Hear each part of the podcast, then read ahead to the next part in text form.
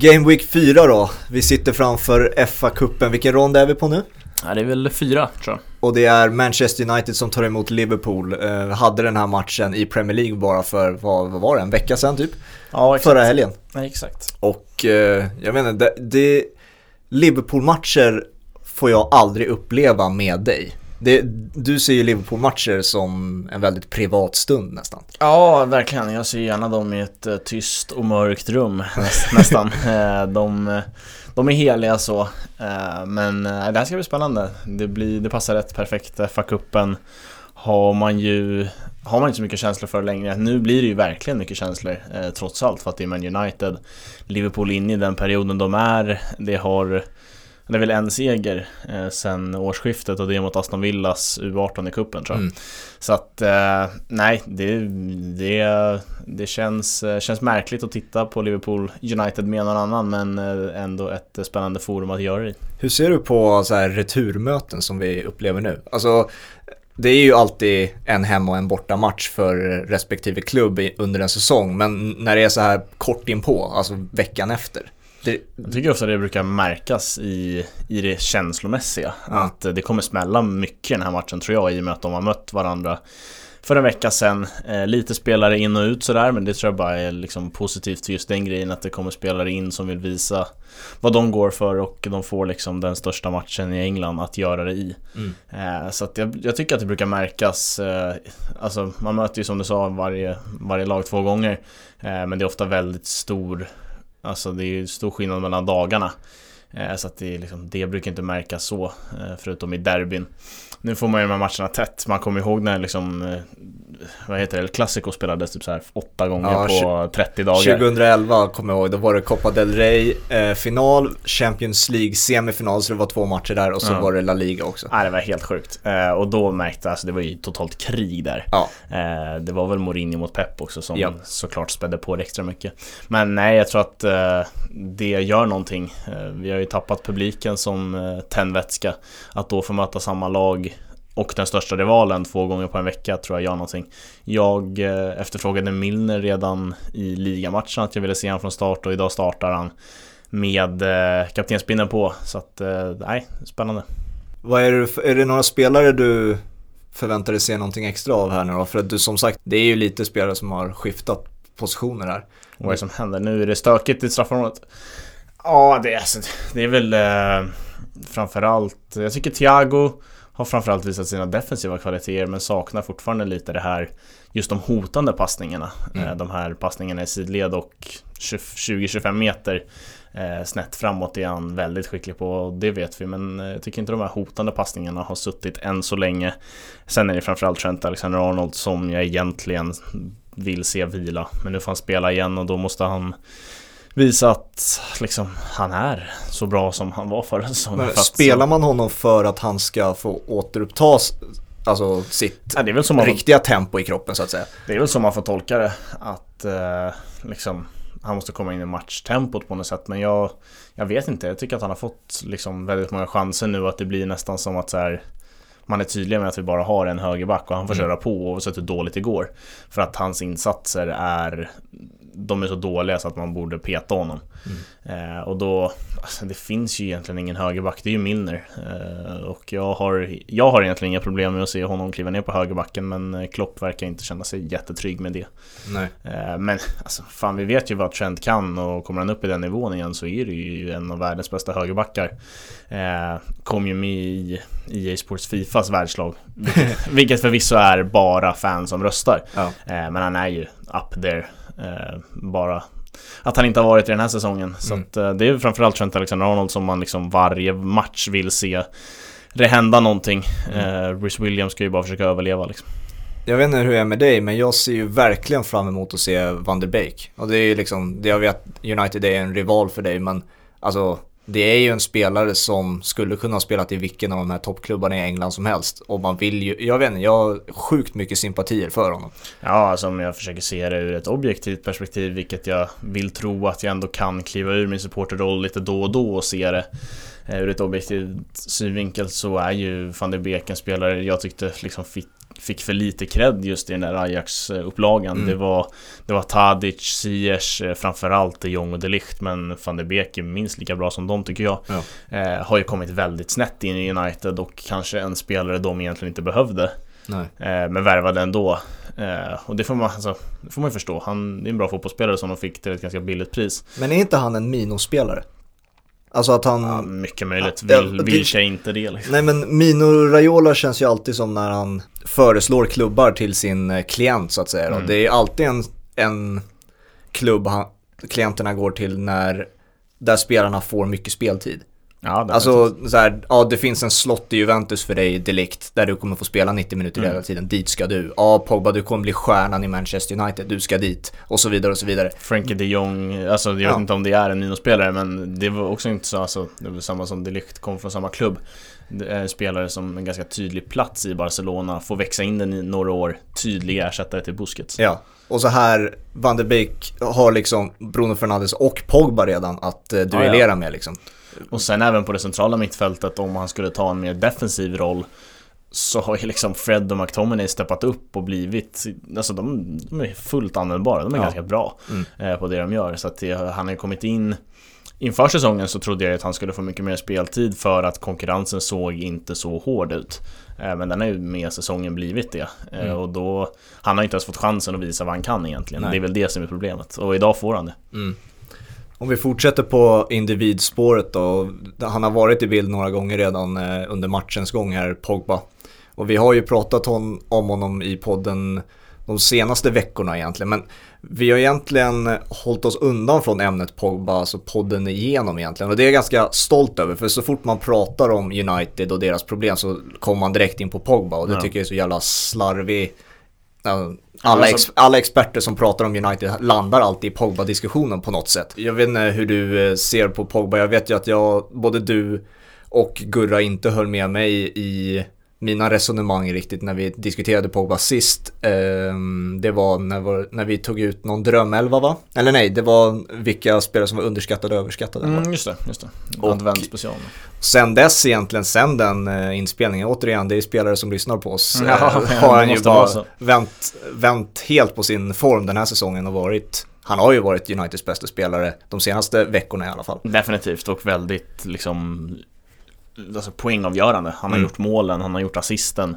Eh, har ju game winning goal. Eh, har vi något alltså matchvinnarmål? Det låter inte lika bra på svenska. Ja, matchvinnande. I, I NHL så använder man ju game winning goal eh, väldigt eh, frekvent. Och det har han ju lyckats eh, smälla till med både mot Burnley och Fulham och i tajta matcher där United såklart ska vinna. Men det är ingen, det är ingen liksom självklarhet i den här ligan att man gör det.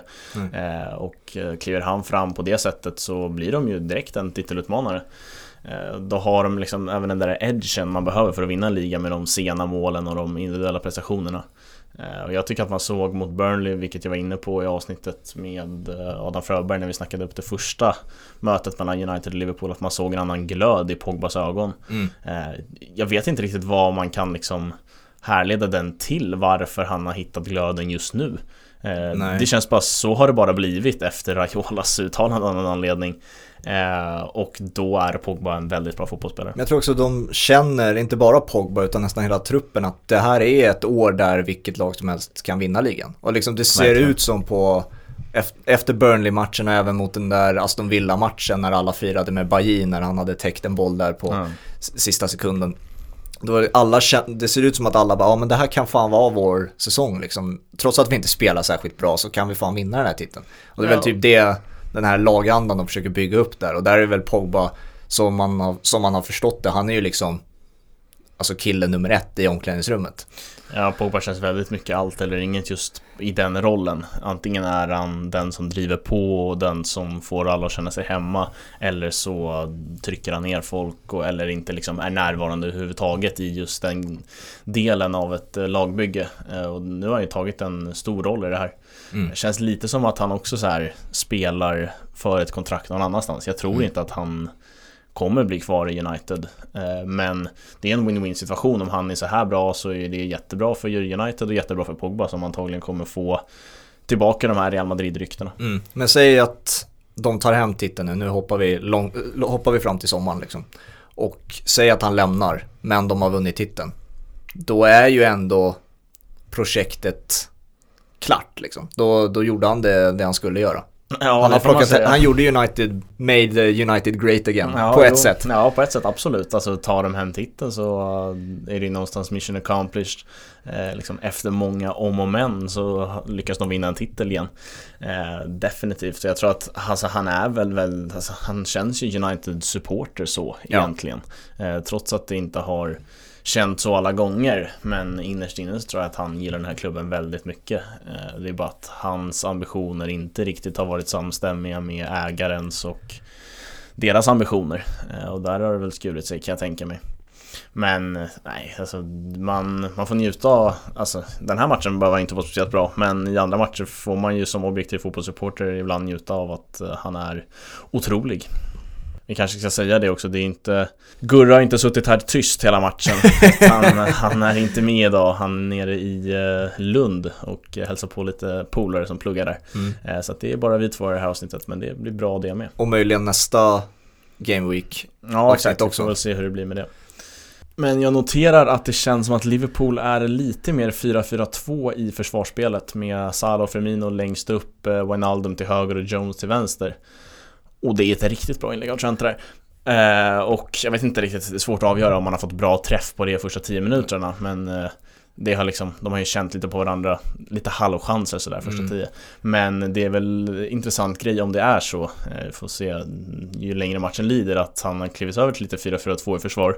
För då har han ju någonstans börjat anpassa sig efter motståndet, vilket Klopp inte Nej, det är det jag, hur känns det då? Alltså för att Liverpool var ju det maskineriet som gick. Det spelade ingen roll hur, hur man ställde upp mot dem, hur man spelade mot dem. Det, liksom, det kördes på rock'n'roll-fotbollen då Ja. och vann. Liksom. Det var ju så Klopp och Liverpool vann. Nu när nu liksom erkänner de lite då med förändringen att det är inte, det är inte optimalt just nu. Nej, och det, jag tror att man får som supporter lite omfamna det. Eh, Herregud vad enkelt det är att spela igenom. Ändå, trots liksom lite mera defensivt eh, angripande av matchen eh, Så är det mycket bollar som går igenom hela lagbygget.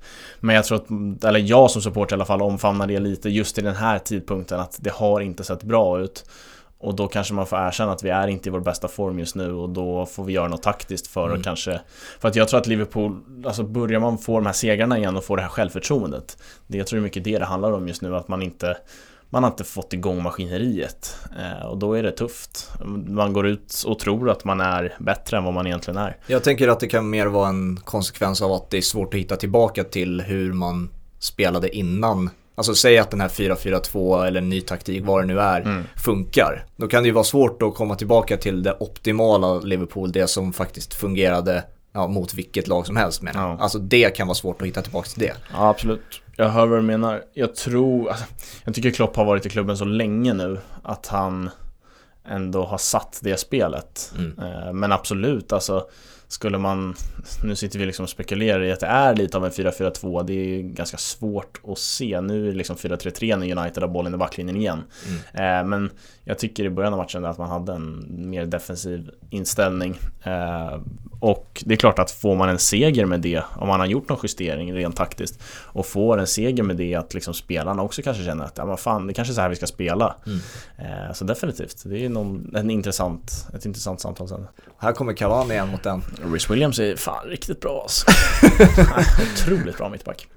Har du, har du följt de bizarra men ändå ganska roliga övergångarna som har skett de senaste dagarna i, ute i Europa?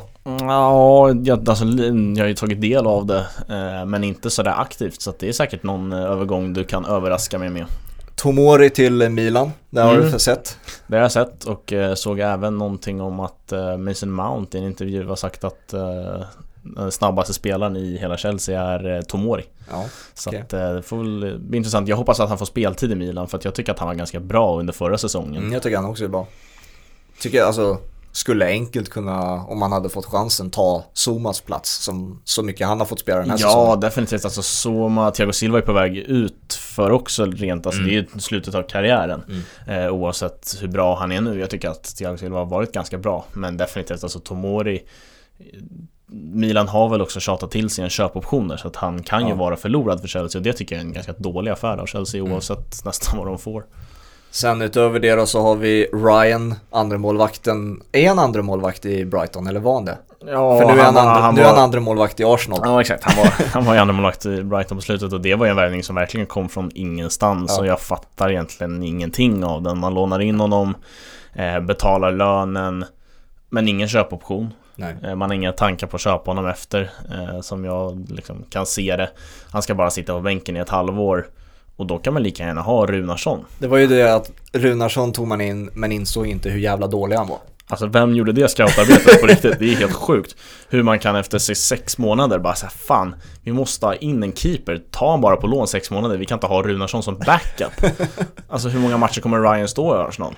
Ryan, jag tycker Ryan är en bra målvakt Jag att- tycker han är helt okej. Ja. Premier League-nivå. Ja men exakt, så rent så eh, Det är ingen, det är ingen dålig värvning egentligen så Men jag Nej. ser bara inte poängen med det En annan då, den här tyckte jag var lite spännande. William José till Wolves. Den blir ju spännande också för oss svenskar som får Isak eh, lite mer som klart första val i Sociedad om inte de väljer att plocka in någon De har plockat in någon nu. Ja men vem var det då? Carlos Fernandes. Eh, Ah, okej. En backup forward i Sevilla. Ja exakt, han... eh, Jag kan inte jättemycket om honom men det känns som Isak blir mer klar etta i alla fall. Ja, han har ju fått spela så här, sju matcher, så väldigt mycket inhopp i Sevilla den här säsongen. Så att han är inte en ordinarie anfallare liksom. Nej exakt, och Sevilla har ju en forward som kanske är hetast i hela ligan i eh, Josef Enesyri. Ja. Eh, grym anfallare. Så att, eh, nej men jag hoppas att Isak blir mer klar etta. Vi ska komma till hela Wolves-delen av den också vill jag se. Men vi börjar med Isak och liksom, han började direkt med 1 plus 1. Mm. Blev utbytt och då tappade de 2-0 till 2-2. Mm. Så att eh, han lär ju starta nästa match eh,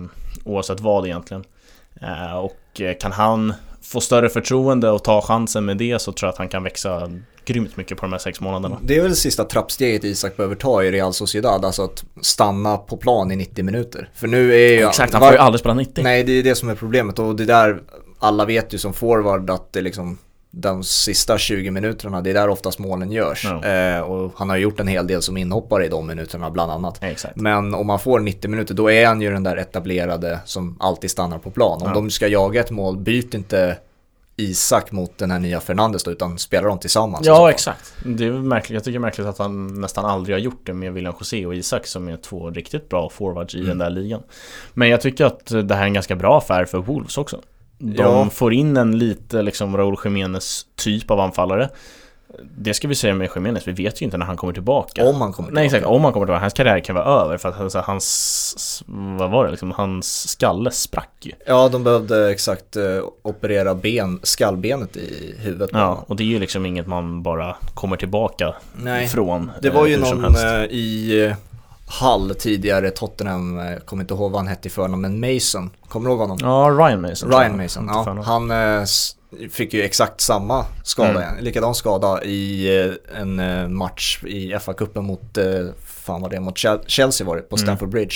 Och det var exakt samma grej. De, man visste inte riktigt hur det var med man visste att han var okej, men sen liksom en, två månader efter eh, skadan skedde så bara nej, han kommer inte kunna spela fotboll igen liksom. Nej, också handlar det, alltså, så här, det handlar ju om, vi säger att eh, Raúl Jiménez kommer tillbaka och allting är okej med han så. Mm. Men det är också en jävla, hur modig tänker han vara i nickduellerna? Det är hans största liksom, styrka som fotbollsspelare. Jättefin passning fram till Salah! Mål! Vilken passning han slår också! Vem var det? Jag vet inte, men det där är jävligt viktigt! Ja. Klopp gör något, lite känslor eller? Ja men det där var, jag tror du missade hans känsla, jag tror han Han, eh, han Kloppa känns, eh, känns ledsen på slutet. Ja, vi, vi kan ta Klopp lite senare för jag har faktiskt några frågor om vad du tycker om honom. Men, Efter eh, den här reprisen ska vi komma tillbaka till eh, Jiménez och William José bara. ska vi se vem som Eh, slog Men är det. Wijnaldum, Firmino? Nej, det är Firmino. Ja, Firmino som vi pratade om i förra avsnittet Mm. våra, Där hittade han ju den där fina fickan. Verkligen, och där agerar han ju lite tia och gör det väldigt bra. Ja. Eh, sen Fantastiskt avslut också. Ja, det är, alltså, det är grejen med Salah, det är alltid inget med honom. Eh, jättefina avslut när han väl gör mål. Mm. Det är sällan man känner så här. Nej, det, är- det är det fan inte när jag, nu när jag säger det. Det det, det är en del gånger man känner så här, vilket dåligt avslut men det gick in mål ändå. Ja. Eh, typ alla hans straffar. Exakt. Eh, men jag tycker att han är, alltså när han väl visa vad han kan som avslutare så Mm. är det på absolut högsta nivån. Men det är väldigt ofta han bränner märkliga lägen. Så det var Ja. skönt för honom att han fick göra mål där. Att Liverpool får ta ledningen i en match, lite arbetsro. Ja. Eh, nej, väldigt skönt. Jimenez då? Ja, menar alltså, liksom modet att från en sån skada komma tillbaka och gå in i nickdueller igen och sådär. Ja. Det måste ju ta sin tid och han måste ju få känna efter. Så att jag har svårt att se att Jiménez spelar, alltså om, om ens någonting, eh, inte speciellt mycket Premier League-fotboll den här säsongen. Nej. Eh, och då tycker jag att José är ett väldigt bra substitut för att de har Mm. saknat det där boxspelet. Adama Traoré är ju väldigt bra på det han är bra på men också begränsad. Mm. Det är ju liksom farten och eh, inläggen som han är bra på. Mm. Eh, han får ofta in bollen i boxen eller skapar hörner. Eh, men då har Fabio Silva varit väldigt Ja, anonym. han har varit riktigt dålig av det jag har sett, Fabio Silva. Men sen Han, också... han hade ett klassmål mot eh, West Bromwich eh, där han liksom trycker undan sin försvarare och sen lägger in den i bortre. Mm. Men nej, han har inte varit bra. Men han är väldigt ung ska man också komma ihåg. Cutrone är väl tillbaka också? Ja, herregud alltså.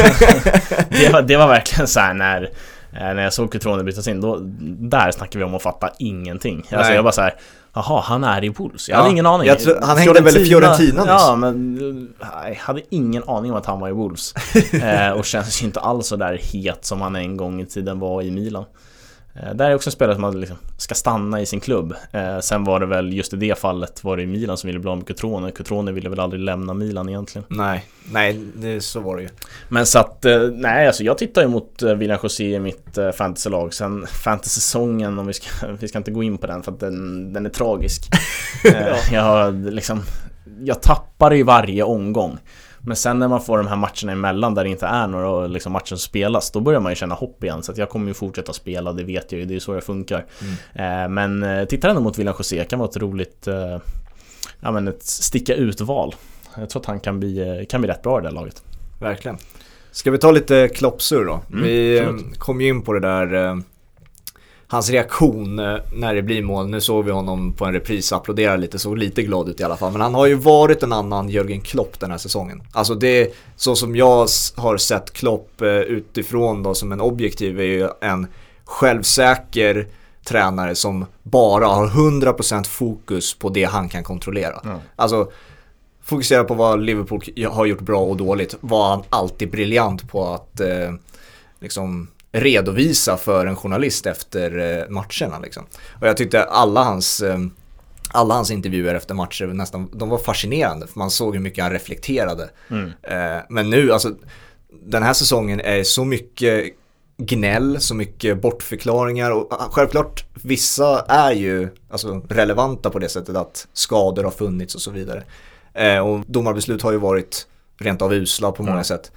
Men alltså en självsäker Klopp för två år sedan hade inte ens nämnt det. Nej, alltså, verkligen. Han har ju tyvärr liksom börjat prata om mycket som du är inne på som inte han kan kontrollera och liksom lägga skuld på de grejerna. Och det är klart att Liverpool säkert hade kunnat haft några poäng fler om var, något VAR-beslut här och där hade gått med. Eh, ska säkert ha någon straff till. Eh, men det, det i ärlighetens namn så har det inte varit tillräckligt bra.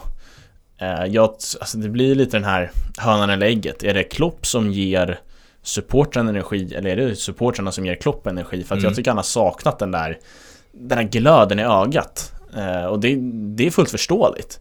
Eh, men tyvärr har ju det övergått till en bitterhet som Mm. man som supporter någonstans här tvingas liksom försvara men jag tänker inte försvara den. Men det blir ju så när alla andra supportrar lägger ut och skrattar åt de klippen att man ändå liksom försöker hitta någonting som gör att så här, ja men fan, eh, lite förståelse. Mm. att det blir så. Men nej jag har inte gillat hur Klopp har betett sig i media senaste tiden.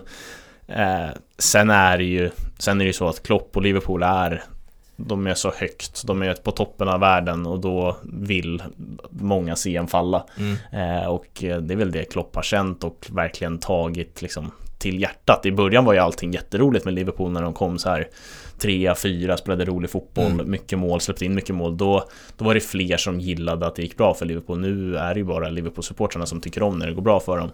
Eh, så att nej, det har ju blivit, alltså övergått till en bitterhet. Jag tror att han saknar supporterna väldigt, väldigt mycket. Eh, och de kommer han ju tvingas leva med Alltså, eller leva utan I alla fall på plats eh, Ett bra tag till eh, Mm. Av det man känner Men eh, nej, den här bitterheten och snacka om United straffar och hit och dit, det får han gärna skippa.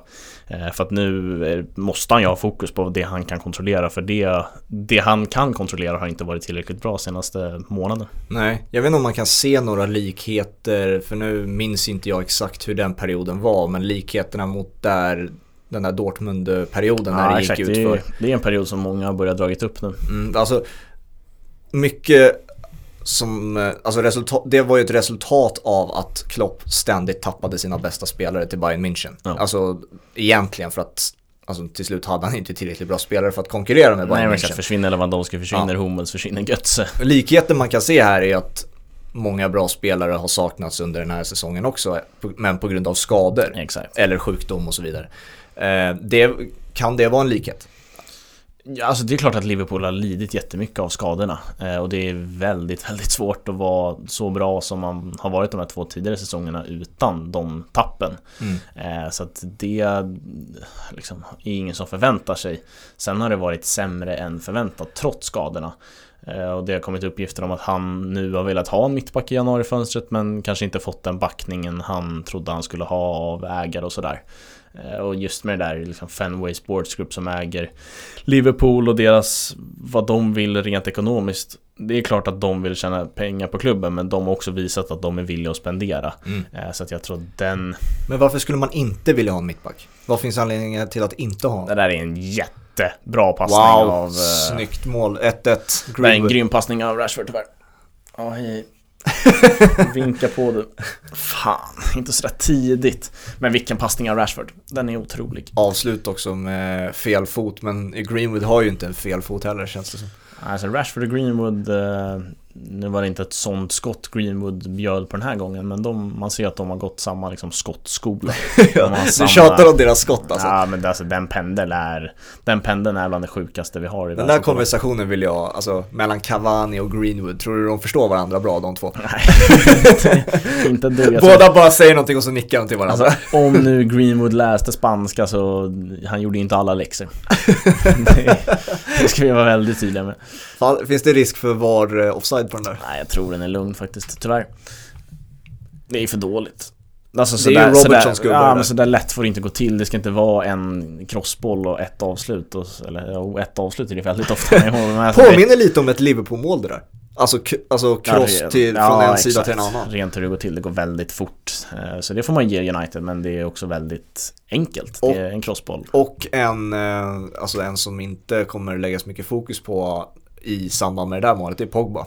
Försvarsspelet han gjorde innan han slår bollen fram till, eh, till Rashford. Ja, exakt. Han får ju en bra tryckare av Firmino också ja. här som vinner tillbaka bollen direkt efter avspark. Men eh, för att återgå till Klopp så tror jag att det har varit en ganska tuff period för honom eh, med supportrarna och hela covid och skador och han säkert tappat lite, lite gnista så eh, rent helt fullt förståeligt.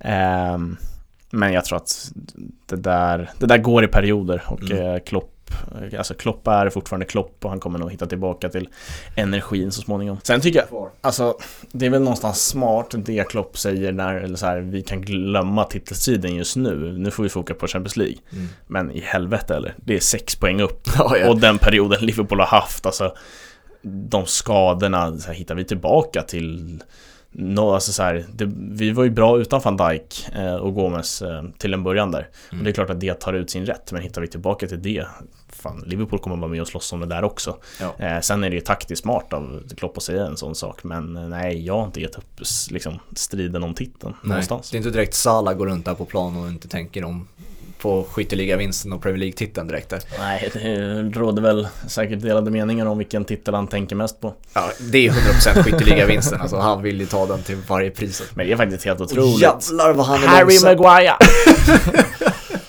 han är som en traktor där. Ja, ett kylskåp. Och så ger han bort bollen precis efter. Han är, han är Alltså, jag kommer ihåg att jag tänkte på det någon gång när jag satt och kollade på fotboll utan att jag har sagt det någon annanstans än till mig själv att är det någonting Harry Maguire bjuder på, då är det underhållning. Det, är- alltså det, är- det är underhållande att se Harry Maguire Ja spela det är fan fotboll. sant. Det är kanske så man ska tänka, alltså titta på fotbollsspelare som är lite sämre. Ja. Alltså liksom, vad fan det är ändå underhållande med en dålig touch här och där. Liksom. Ja, det gör ju matchen mer spännande, mer oförutsägbar. Vi satt och kollade på Juventus tidigare idag. Ja. Eh, sa ju båda två när Rabiot kom in att här kommer det ju någon touch som blir riktigt lång. eh, där han kan liksom åka på rött kort på grund av sin egen dåliga touch. Ja. Eh, den touchen kom ju också men på något mirakulöst sätt fick han med sig bollen och höll på att göra mål ändå. Men eh, det finns något underhållande med spelare som inte är, eh, inte är perfekta i sin touch alla gånger. Nej, verkligen. Ja, på tal om eh, Italien då så har du ju två Milano-klubbar som verkligen, ja det är det bästa uttrycket på engelska igen, bottled it. Ja, det får man säga. Jävla, s- alltså det, det känns som att det alltid blir så här i Serie A. Juventus bjuder in dem så här, här har ni er titel liksom och sen så fuckar de upp det helgen efter liksom. Och sen ska de vara så snälla och bjuda tillbaka. Vad fan, ska ni inte vara med på tåget ändå? Jo, men det är klart att vi ska vara med, vi kommer. Eh, alltså Milans insats jag såg egentligen först, bara första halvlek. Eh, och den var ju inte bra. Eh, och den andra halvleken torskade de ju med 2-0 så de torskade ju andra halvlek med mer än första så att jag kan tänka mig att den inte heller var speciellt bra. Nej. Eh, och sen Inter som då spelar samtidigt som Milan.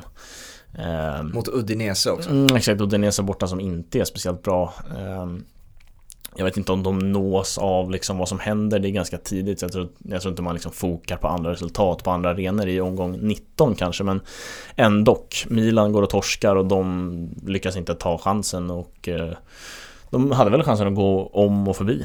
Ja, I alla fall upp på samma poäng. Ja. De, det är jämnt där.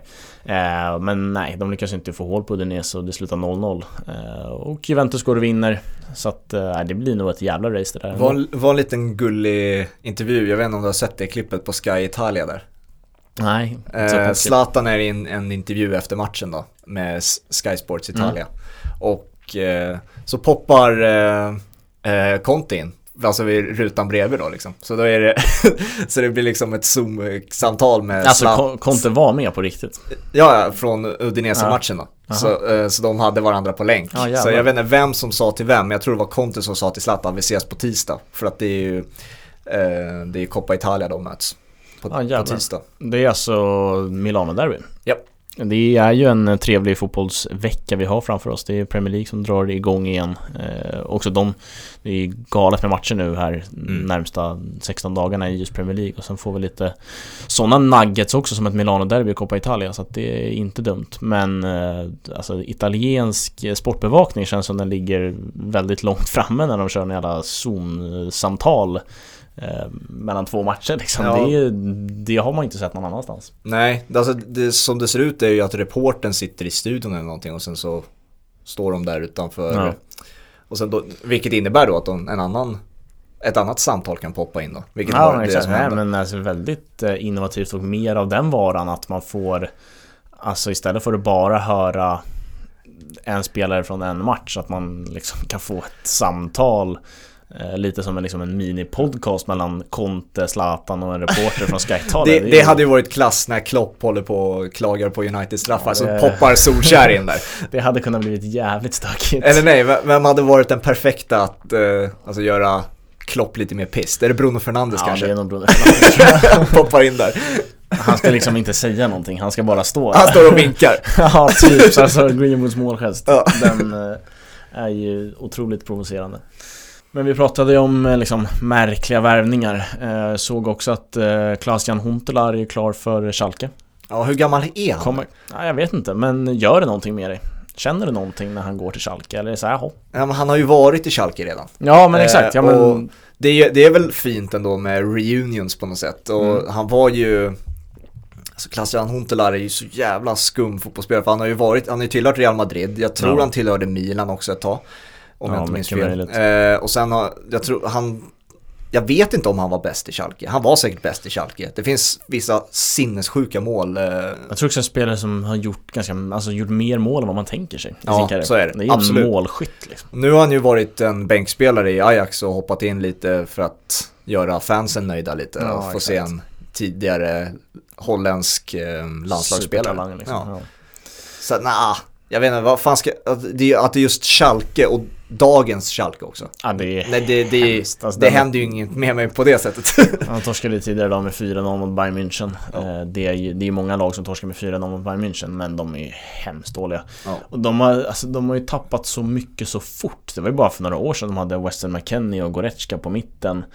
Ehm, Ja, alltså de, nej, nu kommer jag inte på jättemycket mer, men alltså det säger ändå någonting. Hade de de två på mitten så var det ändå ett ganska dugligt fotbollslag. Ja, men nej men de hade ju den här eh, De spelade Sané ju var där, Draxler var där. Ja exakt, de hade ju ett eh, Champions League-år där ehm, Får vi se om jag plockar alla spelare Men när de mötte Real Madrid i en åttondelsfinal Så minns jag då drömmålet Klassian Huntelaar gör Mm. Choupo-Moting var där Ja, det är otroligt. eh, Draxler var där som du sa eh, Sen hade vi Naldo Kommer du ihåg honom? Ja, brassebacken. Exakt. Eh, nej, han var portugis till och med. Det var? Ro- Ronaldo Naldo. Nej, nej, han var brasse. Rolando tänker jag på. Rolando, ja men det, det är en klassisk Fifa-spelare när man så öppnade packs back in the days. Ja. Sen hade vi ju Leroy Sané där också. Ja, exakt. Under han, den var perioden. Ju, han var väl otrolig på Bernabéu. Ja. eh, Om jag inte minns helt Han fel. drog in en super, eh, superträff där i bortre krysset. Det var kanske det målet han skulle kört på, på ryggen istället för eh, hans mål mot eh, Monaco. Det var, har ju varit mycket snack om hans tatueringar i veckan efter att han i en intervju med Der Spiegel tror jag gick ut och sa att han ångrade lite att han gjorde den. Det handlade väl mer om att han typ efter den tatueringen uppfattades som en lite så arrogant och liksom bling-bling snubbe som han själv valde att uttrycka det som. Ja. Eh, Men just också valet av ryggtatuering är ju märkligt. Ja. Det är ju i ett dubbelmöte där de dessutom åker ut. Och det är inte ett snyggt mål. Jag tror också att det är en sån här två meters peta in bollen i öppet mål. Ja, mål. ja, det är så här, märkligt att han kände att det är så här, ja nu hittade jag momentet i mitt liv som jag väljer att trycka Ja, på hela ryggen. alltså han, eh, han var, gammal kan han ha varit då, 21 också Mm. när det målet gjordes. Alltså han skulle lika gärna kunna göra ett Mario Götz eh, mål i en- VM-final eh, Ja, definitivt. någon gång i sin karriär. Fan vad köra det på hela bröstet och torson. Det är där man gör lejon numera. ja, det på... Icardi har ju ett lejon, nej Zlatan har det på ryggen och Icardi har den på magen. Ja, det är någon annan mer... Eh, dumt att gissa, men en italienare, typ Politano eller... San- Jag tror det är Politano. Ja. Har ju en eh, otrolig eh, ryggtatuering med eh, något, en leopard eller lejon. Den är sjukt skickligt gjord av de bilderna jag har sett. Eh, var var vi någonstans? Schalke. Mm. Eh, Hur bra de var ändå bara för några så här 5-6 år sedan och hur dåliga de är idag. Eh, Jag tyckte väl att det kan bli väldigt fint fram mot slutet när Schalke slåss om säkert nå kvalplats eller nå nytt kontrakt i Bundesliga. De har ganska, redan ganska många poäng upp till kvalplatsen. Eh, Men kan han börja liksom på Claudio Pizarro-vis bomba in mål så här på äldre dagar och rädda kvar Schalke så kan det bli en väldigt fin historia. Mm. Men de har tagit tillbaka Kolasinac och Huntelaar så att de, de försöker i alla fall någonting på marknaden för att rädda det där Ja. kontraktet. En värvning som man pratar väldigt sällan om. Eh, man bara säger att det är en bra fotbollsspelare, vilket han är. Men alltså är ju i princip säsongsavgörande redan nu, Luis Suarez.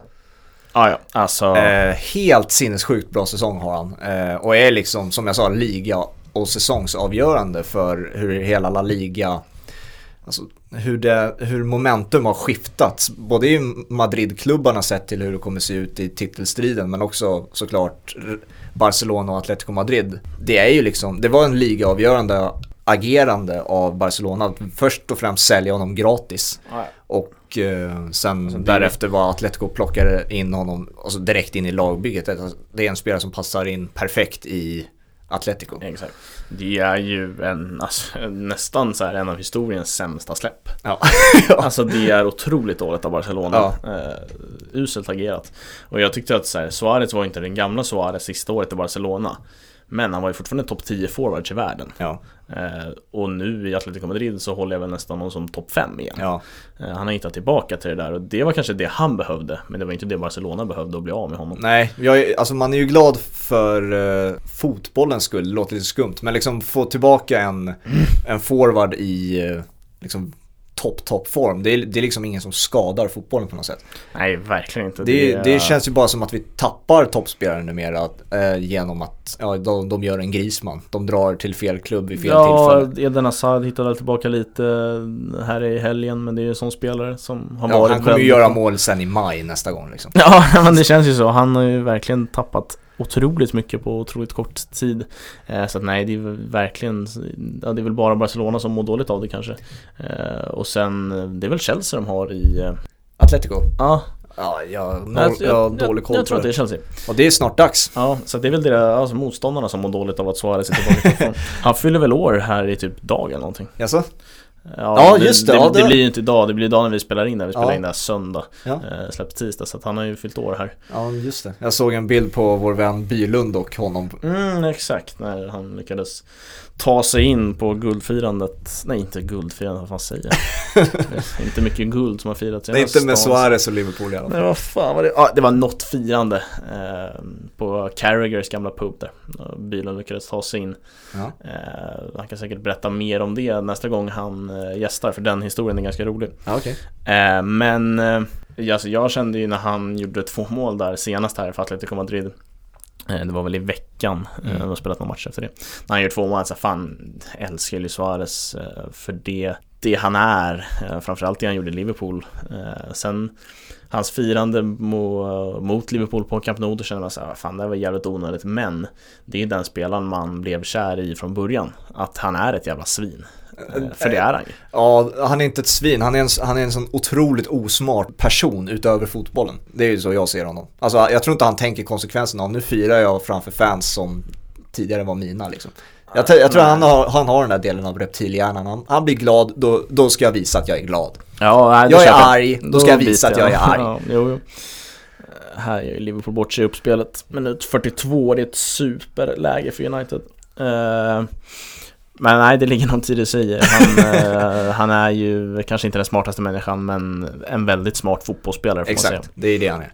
Eh, Så att nej, jag gillar Luis Suarez och eh, kommer alltid vara en av de största i mina, i mina ögon. Det där är det sämsta släppet någonsin. Alltså om man skulle, finns det någon annan så här gratis släpp? Mm. Jag tänker så här, vem är nummer två på den listan? James Milner?